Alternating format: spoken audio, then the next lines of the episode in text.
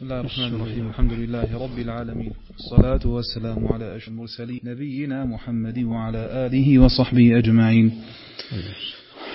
وبأسانيدكم أحسن الله إليكم من الإمام أبي عيسى محمد بن عيسى بن سورة الترمذي رحمه الله تعالى قال باب ما جاء في من قتل قتيلا فله سلبه.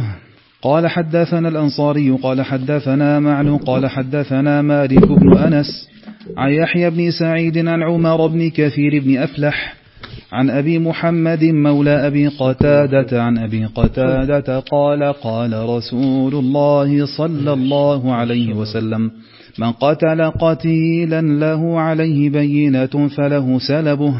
وفي الحديث قصة. قال حدثنا ابن أبي عمر قال حدثنا سفيان عن يحيى بن سعيد بهذا الإسناد نحوه. وفي الباب عن عوف بن مالك وخالد بن الوليد وأنس وسمرة وهذا حديث حسن صحيح. وأبو محمد هو نافع مولى أبي قتادة والعمل على هذا عند بعض أهل العلم من أصحاب النبي صلى الله عليه وسلم وغيرهم وهو قول الأوزاعي والشافعي وأحمد. وقال بعض أهل العلم للإمام أن يخرج من السلب الخمس. وقال الثوري النافل أن يقول الإمام من أصاب شيئا فهو له ومن قتل قتيلا فله سلبه فهو جائز وليس فيه الخمس. وقال إسحاق السلب للقاتل إلا أن يكون شيئا كثيرا فرأى الإمام أن يخرج منه الخمس كما فعل عمر بن الخطاب رضي الله عنه. قال باب في كراهية بيع المغانم حتى تقسم. قال حدثنا هناد قال حدثنا حاتم بن إسماعيل عن جهضم بن عبد الله عن محمد بن إبراهيم عن محمد بن زيد عن شهر بن حوشب عن أبي سعيد الخدري رضي الله عنه قال نهى رسول الله صلى الله عليه وسلم عن شراء المغانم حتى تقسم. قال وفي الباب عن أبي هريرة وهذا حديث غريب. قال باب ما جاء في كراهية وطئ الحبالى من السبايا. قال حدثنا محمد بن يحيى النيسابوري قال حدثنا أبو عاصم النبيل. عن وهب أبي خالد قال حدثتني أم حبيبة بنت عرباض بن سارية أن أباها أخبرها أن رسول الله صلى الله عليه وسلم نهى أن توطأ السبايا حتى يضعن ما في بطونهن. وفي الباب عن رويفع بن ثابت وحديث عرباض حديث غريب والعمل على هذا عند أهل العلم. وقال الأوزاعي إذا اشترى الرجل الجارية من السبي وهي حامل فقد روي عن عمر بن الخطاب رضي الله عنه أنه قال لا توطأ حامل حتى تضع. وقال الأوزاعي قال الأوزاعي وأما الحرائر فقد مضت السنة فيهن بأن أمرن بالعدة. كل هذا حدثني علي بن خشرم قال حدثنا عيسى بن يونس عن الأوزاعي. قال باب ما جاء في طعام المشركين. قال حدثنا محمود بن غيلان قال حدثنا أبو داود الطيالسي. عن شعبة قال أخبرني سماك بن حرب قال سمعت قبيصة بن هلب يحدث عن أبيه قال سألت النبي صلى الله عليه وسلم عن طعام النصارى فقال لا يختلجن في صدرك طعام ضارعت فيه النصرانية. قال هذا حديث حسن. قال محمود وقال عبيد الله بن موسى عن إسرائيل عن سماك عن قبيصة عن أبيه عن النبي صلى الله عليه وسلم مثله. قال محمود وقال وهب بن جرير عن شعبة عن سماك عن مري بن قطري عن عدي بن حاتم عن النبي صلى الله عليه وسلم مثله. والعمل على هذا عند أهل العلم من الرخصة في طعام أهل الكتاب. قال باب في كراهه بسم الله الرحمن الرحيم. وبه نستعين نحمده سبحانه وتعالى ونثني عليه الخير كله ونصلي ونسلم على نبينا محمد وعلى آله وأصحابه والتابعين لهم بإحسان إلى يوم الدين. أما بعد فقال الإمام أبو عيسى الترمذي رحمه الله تعالى في كتابه الجامع قال باب ما جاء في من قتل قتيلا فله سلبه وسلبه هو كل ما يكون على القتيل نعم من لباس وحلية وسلاح وما شابه ذلك. فهذا يكون لمن قتله وفي هذا حث على قتل الكفار. وعلى قتل المشركين. نعم. وفي هذا أن الإنسان لا بأس أن يكون العمل لله عز وجل وأن يستفيد أيضا من الناحية الدنيوية. ومن ذلك أخذ الغنائم. ومن ذلك أيضا أن من قرأ مثلا آية الكرسي فله فلا يزال عليه من الله من الله حافظ ولا يقربه شيطان. لا يزال عليه من الله حافظ هذا حفظ لدينه ولأيضا دنياه. يعني فيما يتعلق في الدين وفيما يتعلق بالدنيا. فلا بأس أن يعمل الإنسان العمل ويكون هذا العمل لله وأيضا أن يستفيد شيئا يتعلق بماذا؟ يتعلق بالدنيا. وهذه المسألة على ثلاثة أقسام. إما أن يعمل الإنسان هذا العمل لله خالصا ولا يفكر بشيء من الدنيا وإنما يريد ما عند الله عز وجل فقط.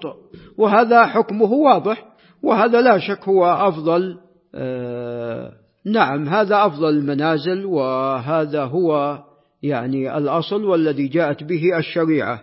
الثاني أن يعمل العمل ويريد به وجه الله عز وجل وأيضا شيء من الدنيا ولكن هذا الشيء من الدنيا تابعا للأول. نعم يعني الأصل هو مخلص لله والأصل أنه يريد ما عند الله. وأما هذا الشيء الذي للدنيا فهذا تبع هذا تبع. نعم مثل الإنسان عندما يتصدق يريد ما عند الله عز وجل ويريد أيضا أن يخلف الله عز وجل عليه بماذا؟ بالدنيا. بأكثر مما تصدق به وبأكثر مما أعطاه. نعم هو قصد بهذه الصدقة وجه الله عز وجل. ولكن أيضا يريد الفرج في الدنيا بأن يخلف الله عز وجل عليه بخير وإن كان في كربة يفرجها عنه. نعم. وقد قال الله عز وجل فلولا أنه كان من المسبحين للبث في بطنه إلى يوم يبعثون نعم أي, ليل أي ليس أي عفوا لولا هذا التسبيح الذي هو سبب في فرجه وكان ذلك سببا في التفريج عنه.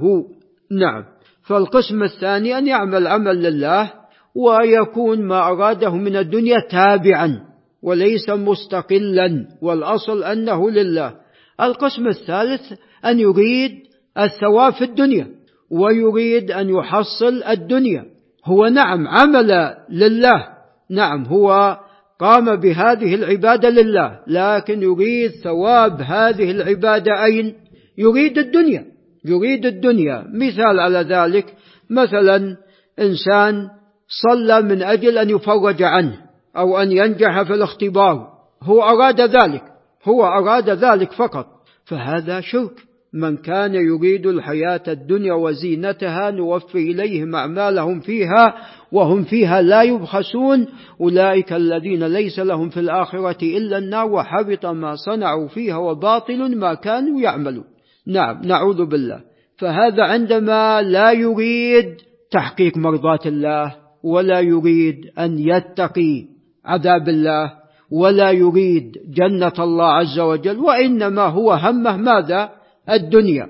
فهذا مما فسرت به الآية الكريمة التي تقدم ذكرها أو الآيتين الكريمتين اللتين تقدم ذكرهما. نعم. فاذا هذه الأعمال أو هذه المسألة هي على ثلاثة أقسام. قال أبو عيسى حدثنا الأنصاري وهو إسحاق بن موسى الأنصاري الخطمي. توفي عام 44 و200 وهو ثقة فقيه. وقد مر علينا مرارا.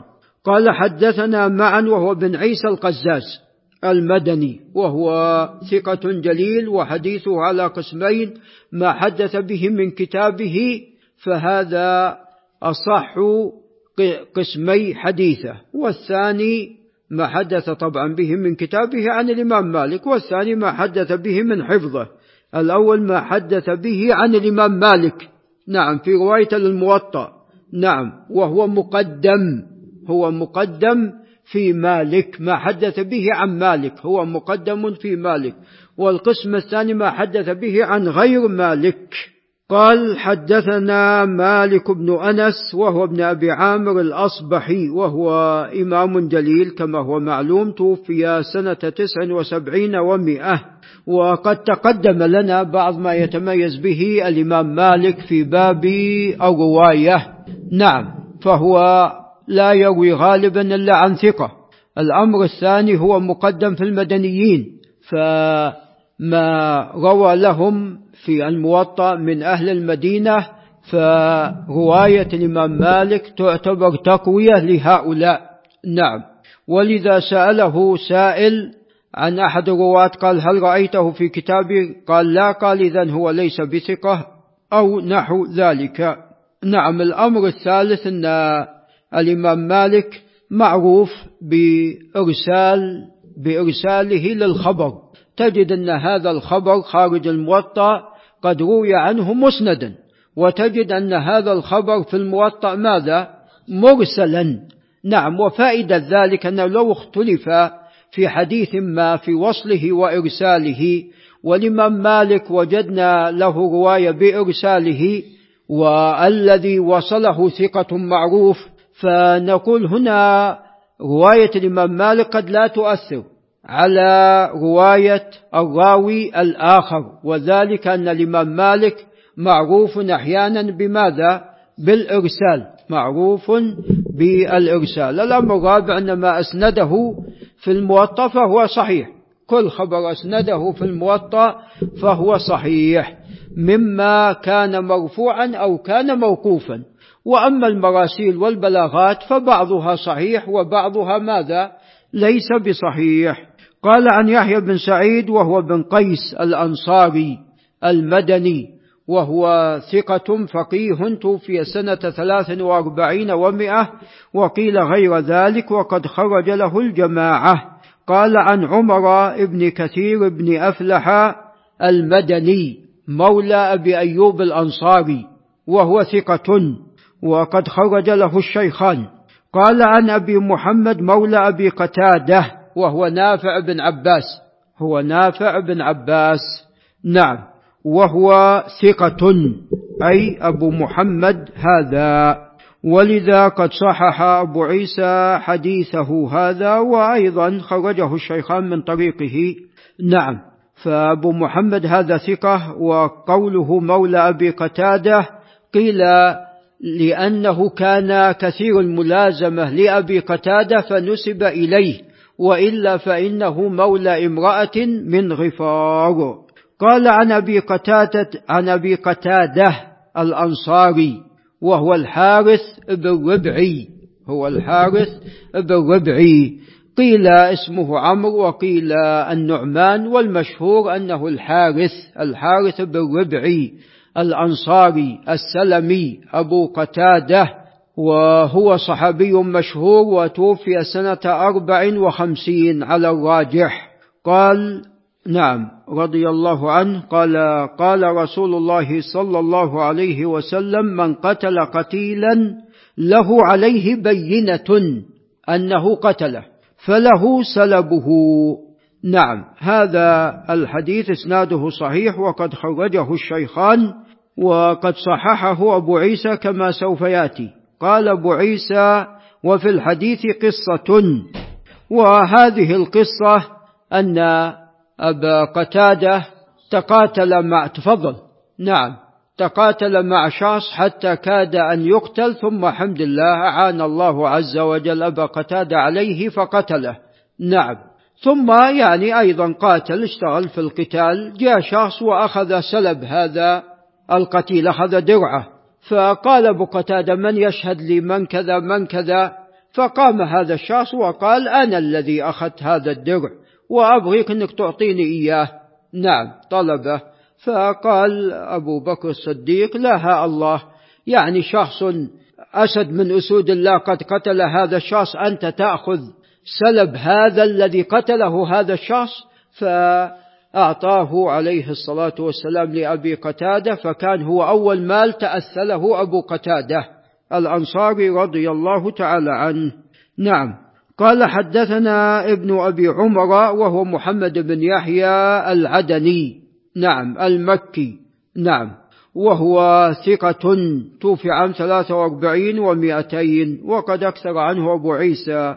قال حدثنا سفيان هو بن عيينة بن أبي عمران الهلالي. نعم طبعا أبو حاتم الرازي أنكر على ابن أبي عمر حديث قال رأيت في كتبه حديث ليس له أصل.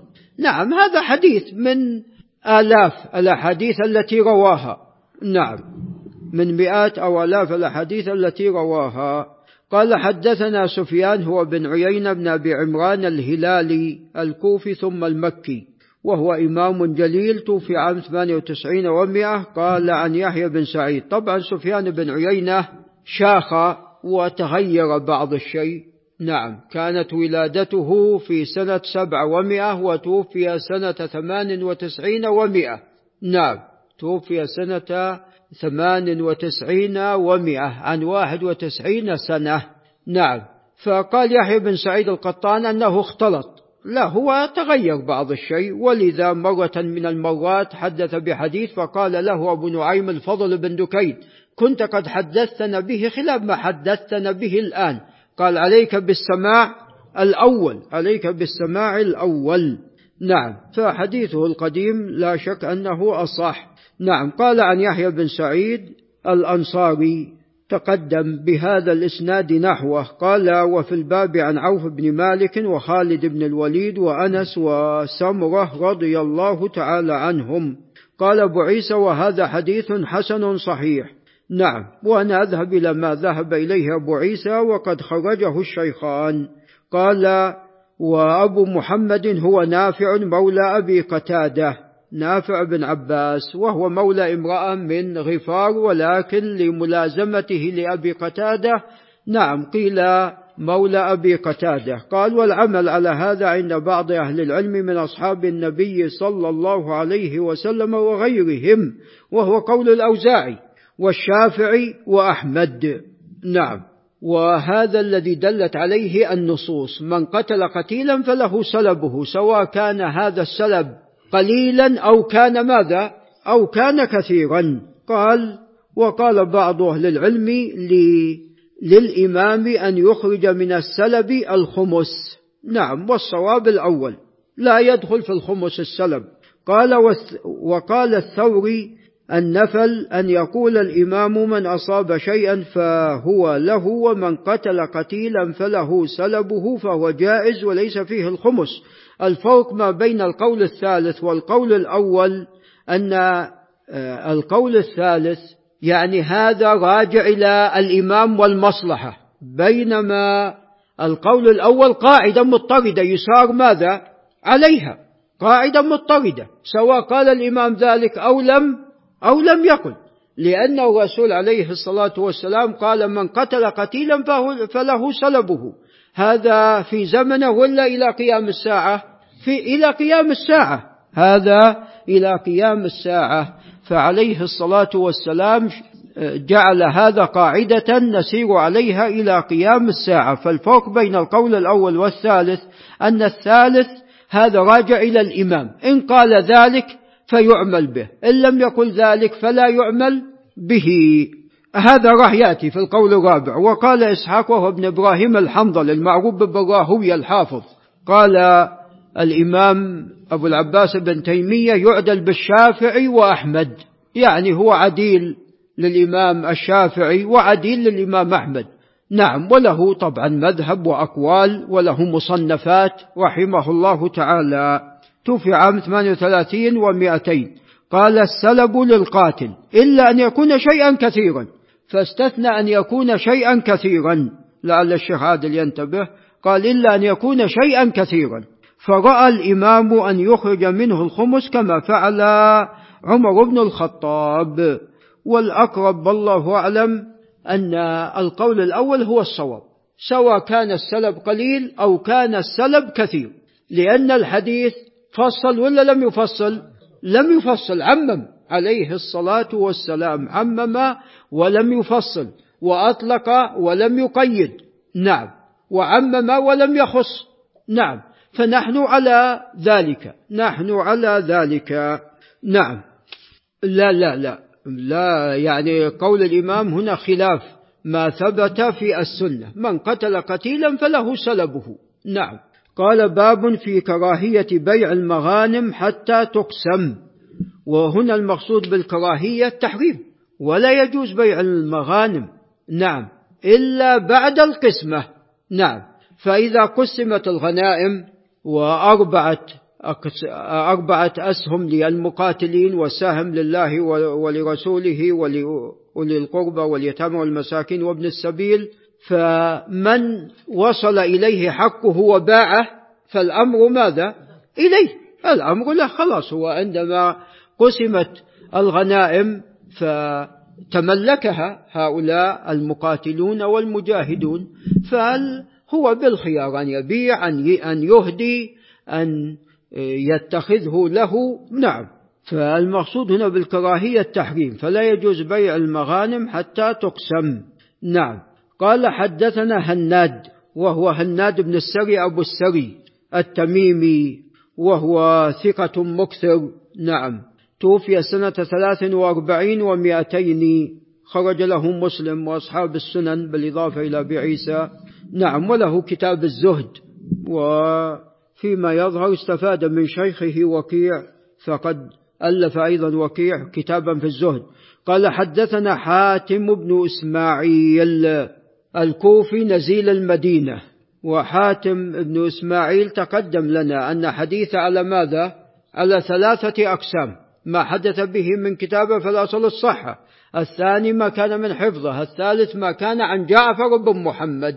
تكلم علي بن المديني في روايته عن جعفر بن محمد قال أسند أحاديث أرسلها نعم أرسلها جعفر هو أسندها. نعم. ويبدو أن هذه أحاديث يسيرة والأصل في روايته عن جعفر بن محمد الأصل القبول. وقد روى حديث جابر الطويل في الحج عن جعفر بن محمد عن أبيه عن جابر. نعم في مسلم. نعم وهو حديث نعم فيه بيان لما فعله عليه الصلاة والسلام في حجه. نعم من حين قبل خروجهم إلى أن عادوا. نعم قال عن جهضم بن عبد الله وهو ابن أبي الطفيل. جهضم بن عبد الله بن أبي الطفيل وهو ثقة. وبما أن الشيخ أحمد بن محمد آل علي موجود ليس في الكتب الستة سوى هذا الجهضم. ما في إلا هذا جهضم. نعم فهو نعم ثقة. قال عن محمد بن إبراهيم وهو الباهلي. محمد بن إبراهيم هو الباهلي لا يعرف. ولذا عاب جهضم. طبعا جهضم بن عبد الله صدوق عفوا صدوق. جهضم بن عبد الله صدوق عيب بأنه يروي عن ماذا؟ عن المجاهيل. نعم. فمحمد بن إبراهيم الباهلي هذا لا يعرف. نعم. قال عن محمد بن زيد ومحمد بن زيد إن كان هو الكندي بن أبي القموس فهذا لا بأس به. وإن كان هو غيره فيكون لا يعرف مجهول اختلف فيه. وأما شهر فالراجح أنه لا يحتج به. شهر بن حوشب الشامي نعم الراجح أنه لا يحتج به. ففيه بعض الضعف يكتب حديثه. نعم. فله بعض الأوهام منها في حديث بذر الإلهي. يا عبادي إني حرمت الظلم على نفسي وجعلت بينكم محرما فلا تظالموا. الحديث هو قد روى الحديث وأتى بزيادات فيها بعض النظر منها عذاب كلام وعطاء كلام. نعم. ف وأحيانا يضطرب في الحديث مثل ما والله أعلم اضطرب في حديث التهليلات العشر. دبر صلاة الفجر ودبر صلاة المغرب قبل أن يثني رجله. قد اضطرب فيه. والله أعلم أن هذا الاضطراب منه. ولذا نقل بالرجب على الإمام أحمد أنه ضعفه. نقل على الإمام أحمد أنه ضعف هذا الحديث. نعم. ويغني عنه كما تقدم أن نعم ما رواه النسائي من أن التهليلات العشر من أذكار الصباح والمساء. من أذكار الصباح والمساء. لا ليس ابن قنفذ. نعم. هو الكندي قيل ابن أبي القموس وهو لا بأس به وقيل غيره. نعم. قال عن أبي سعيد الخدري سعد بن مالك بن سنان من بني خدرة من الأنصار رضي الله تعالى عنه قال نهى رسول الله صلى الله عليه وسلم عن شراء المغانم حتى تقسم. قال وفي الباب عن أبي هريرة وهذا حديث غريب فهذا الحديث لا يصح لما تقدم. قال باب ما جاء في كراهية وطئ الحبالة من السبايا. نعم. قال حدثنا محمد بن يحيى النيسابوري وهو الذهل الحافظ توفي عام 58 و200 من كبار الحفاظ له كلام في الجرح والتعديل وخاصة في حديث الزهري. فإن له مصنف خاص في حديث الزهري وجد بعض هذا المصنف وجد بعضه. ولا أدري طبع ولا لا. نعم وأنا قد رأيت قديما مخطوط. نعم ثلاثة أجزاء بقي منه الظاهر. ولذا ينقلون عنا كلام في أصحاب الزهري. نعم قال حدثنا أبو عاصم وهو النبيل الضحاك بن مخلد أبو عاصم الشيباني البصري توفي عام 12 و200 قال عن وهب أبي خالد ووهب هو بن خالد أبو خالد الحميري الحمصي. نعم وهو ثقة. قال حدثتني أم حبيبة بنت بنت عرباض بن سارية وأم حبيبة ليست بالمشهورة. نعم. أن أباها العرباض بن سارية أخبرها رضي الله عنه أن الرسول صلى الله عليه وسلم نهى أن توطأ السبايا حتى يضعن ما في بطونهن. نعم. هذا الحديث يعني إسناده صالح وقد تقدم لنا برقم 1542 بماذا حكمنا عليه يا شيخ إسلام؟ الحارث السنجقي بماذا حكمنا عليه 1542 قال غريب الترمذي بارك الله فيكم. قال هنا حديث غريب. 1542 لم يحكم عليه بشيء. لا لم يحكم عليه بشيء. نعم هو الترقيم يختلف. حديث العرباض أنا كاتب عندي هنا بنسخة لا يحكم عليه بشيء ومقيد هذا. أي نعم لم يحكم أبو عيسى عليه بشيء. 1652 أي نعم نفس الإسناد. وقال هذا حديث غريب. قلت وأكثر جمل هذا الحديث قد رويت من أحاديث أخرى سوى الخليسة أو الخليسة. حكمنا عليه بأنه لا يصح. طيب نقرأ الحديث 1542 أن الرسول صلى الله عليه وسلم نهى يوم خيبر عن كل ذي ناب من السبع وعن كل ذي وعن كل ذي مخلب من الطير وهذا صحيح. وعن لحوم الحمر الأهلية وهذا صحيح. وعن المجثمة وعن الخليسة. المجثمة هذا صحيح. وأن توطأ الحبالة حتى يضعن ما في بطونهن. نعم. وطبعا هذا الحديث كله قد روي ما عدا الخليسة. نعم. هي التي نعم. طيب إذا أبو عيسى قال حديث غريب وقد حكمت عليه فيما سبق. قلت اذهب إلى ما ذهب إليه أبو عيسى وفي الحقيقة أن هذا الإسناد يعني إسناد نعم إسناد يعني ممكن أن يقال يعني صالح صالح نعم. يعني هي ما في إلا أم حبيبة الباقيين الباقي ثقات نعم. نعم. نعم وأغلب قد روي. نعم. وقال أبو عيسى وفي الباب عن رويفع بن ثابت وحديث عرباض حديث غريب والعمل على هذا عند أهل العلم. ففي آه، هذا الحديث أو هذه الجملة قال العمل عليها فلا يجوز وطء السبايا حتى يضعن ما في بطونهن أو أن تستبرأ بحيضة. نعم لئلا تختلط ماذا؟ الأنساب. لئلا تختلط الأنساب. نعم. قال وقال الأوزاعي عبد الرحمن بن عمرو الأوزاعي إذا اشترى الرجل الجارية من السبي وهي حامل فقد روي عن عمر عن عمر بن الخطاب رضي الله عنه أنه قال لا توطى حامل حتى تضع. نعم. قال الأوزاعي وأما الحرائر الحرائر فقد مضت السنة فيهن بأن أمرنا بالعدة تستبرأ بحيضة. كل هذا حدثني علي بن خشرم. هذا يقول أبو عيسى. يعني اللي حدث بهذا عن الأوزاعي هو ها؟ لا شك هو انتظر حملها لكن إذا لم تكن حامل إن كانت حائل ليست بحامل تستبرأ بحيضة. إن كانت حائل ليست بحامل فإنها تستبرأ بحيضة. أما الحامل حتى تضع ها قولا واحدا. نعم. قال كل هذا حدثنا حدثني علي بن خشرم. وهو المروزي وهو ثقة. وتقدم لنا قال الفربري قدم علينا فربر مرابطا. وكان عندما قدم عمره كم؟ 98 سنة. لأنه ولد سنة 60 ومئة. وقدم عليهم 258 فعمره 98 سنة قدم عليهم مرابط. قال ابن حجر توفي في سنة 57 أو التي بعدها. جزما توفي في التي بعدها أو بعد أكثر.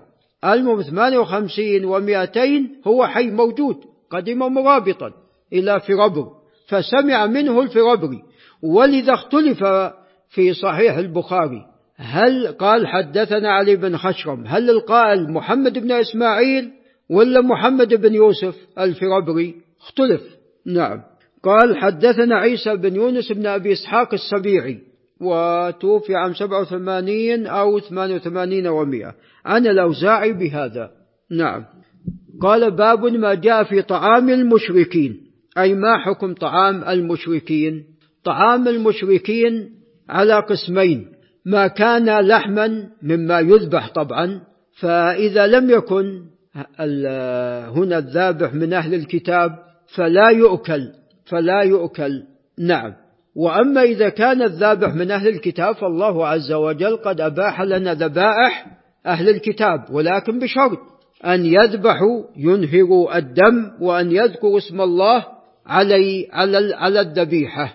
قال الله تعالى ولا تأكلوا مما لم يذكر اسم الله عليه. نعم. فلو أن مسلما تعمد أن لا يذكر اسم الله ما حكم ذبيحته؟ ميتة. إذا تعمد حكم ذبيحة ميتة. فكيف بالكتاب فمن باب أولى. فذبائحهم مباحة بشرط أن يذبحوا وفق شريعة الله فينهر الدم ويقولوا بسم الله. وأما إذا قتلوا الذبيحة قتلا كما هو الحاصل الآن فلا يجوز ماذا؟ الأكل منها. وأما من قال كيفما أزهق روحها فإنها تؤكل. هذا غير صحيح هذا ذهب إليه بعض أهل العلم والراجح خلافه. نعم. وأيضا إذا لم يذكر اسم الله كأن ذكر اسم المسيح عليه السلام فلا يجوز أيضا الأكل حتى يذكر اسم الله. نعم. وقال وهناك من يقول يجوز والصواب هو الأول أنه أنهم لا يجوز أن لا يجوز أن نأكل من ذبائحهم حتى يذبح وفق الشر نعم. وأما ما لم يكن ذبيحة من الحبوب والفواكه والعسل وغير ذلك فحكم ذلك ماذا؟ جائز مباح. حكم ذلك مباح وليس فيه شيء. نعم سواء كان هذا الطعام لمجوسي أو ليهودي أو لوثني أو لهندوسي نعم.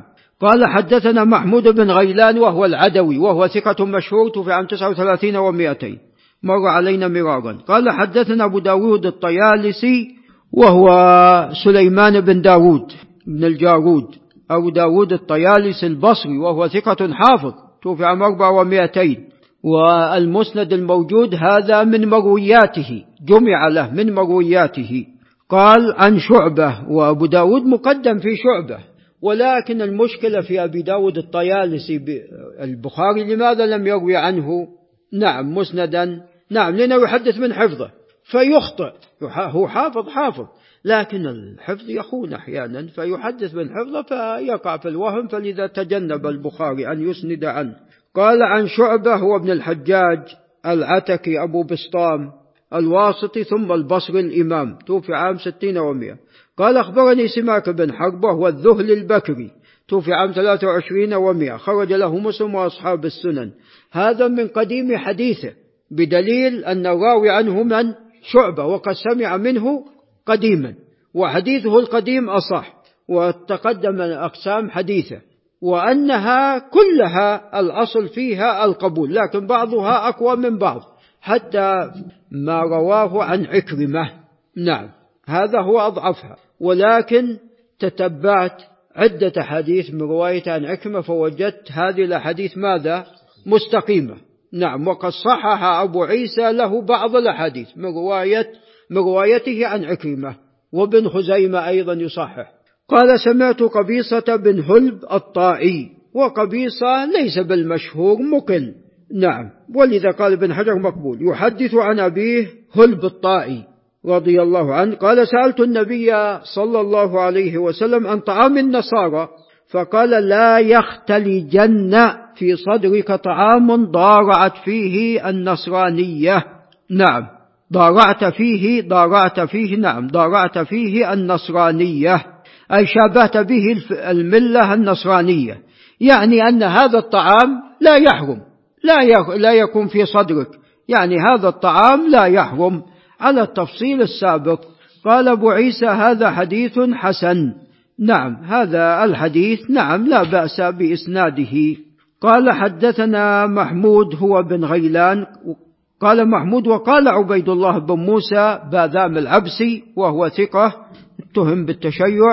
قال عن إسرائيل وهو بن يونس بن أبي إسحاق السبيعي عليكم السلام.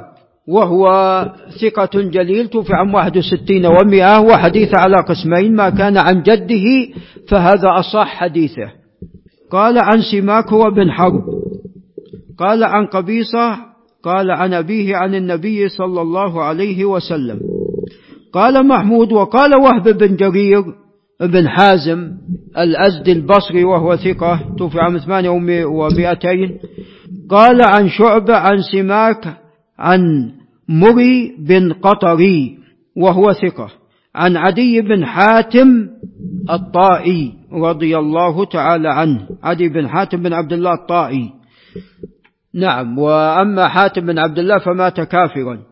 عن النبي صلى الله عليه وسلم مثله قال والعمل على هذا عند أهل العلم من الرخصة في طعام أهل الكتاب. طعام أهل الكتاب ما لم يكن ذباح فحلال وغير أهل الكتاب. نعم. وما كان ذبيحة على التفصيل السابق. نعم هذا الحديث تلاحظون لعل الابن طارق ينتبه.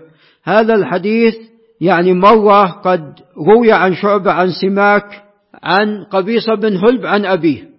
وهذا الذي تقدم في رواية أبي داود الطيالسي ورواية إسرائيل. رواية أبي داود الطيالسي عن شعبة ورواية إسرائيل كلاهما أي شعبة وإسرائيل عن سماك. نعم. وفي رواية وهب بن جرير عن شعبة قال عن سماك عن مري بن قطري عن عدي بن حاتم. فهل هذا اختلاف على سماك أم هما حديثان؟ نعم إن قلنا اختلاف على سماك فنحتاج إلى ماذا؟ إلى الترجيح وإذا قلنا حديثان فهنا لا نحتاج إلى أن نرجح بينهما فهما حديثان وأنا أميل إلى أنهما حديثان. نعم أميل إلى أنهما حديثان. ويؤيد هذا أنه قد جاء عن شعبة هذا وذاك. جاء عن شعبة من رواية الثقات هذا وذاك. نعم فالأقرب أو أميل إلى أنهما حديثان. وقد يؤيد هذا أن حديث قبيصة بن هلب الطائي عن أبيه أطول من هذا. نعم. وهذه الجملة هي جزء من حديث قبيصة بن هلب. ليس ليست هذه الجملة كل حديث قبيصة بن هلب. فالأقرب الله لهم أنهما حديثان. ولعل نقف عند هنا. هذا وبالله تعالى التوفيق.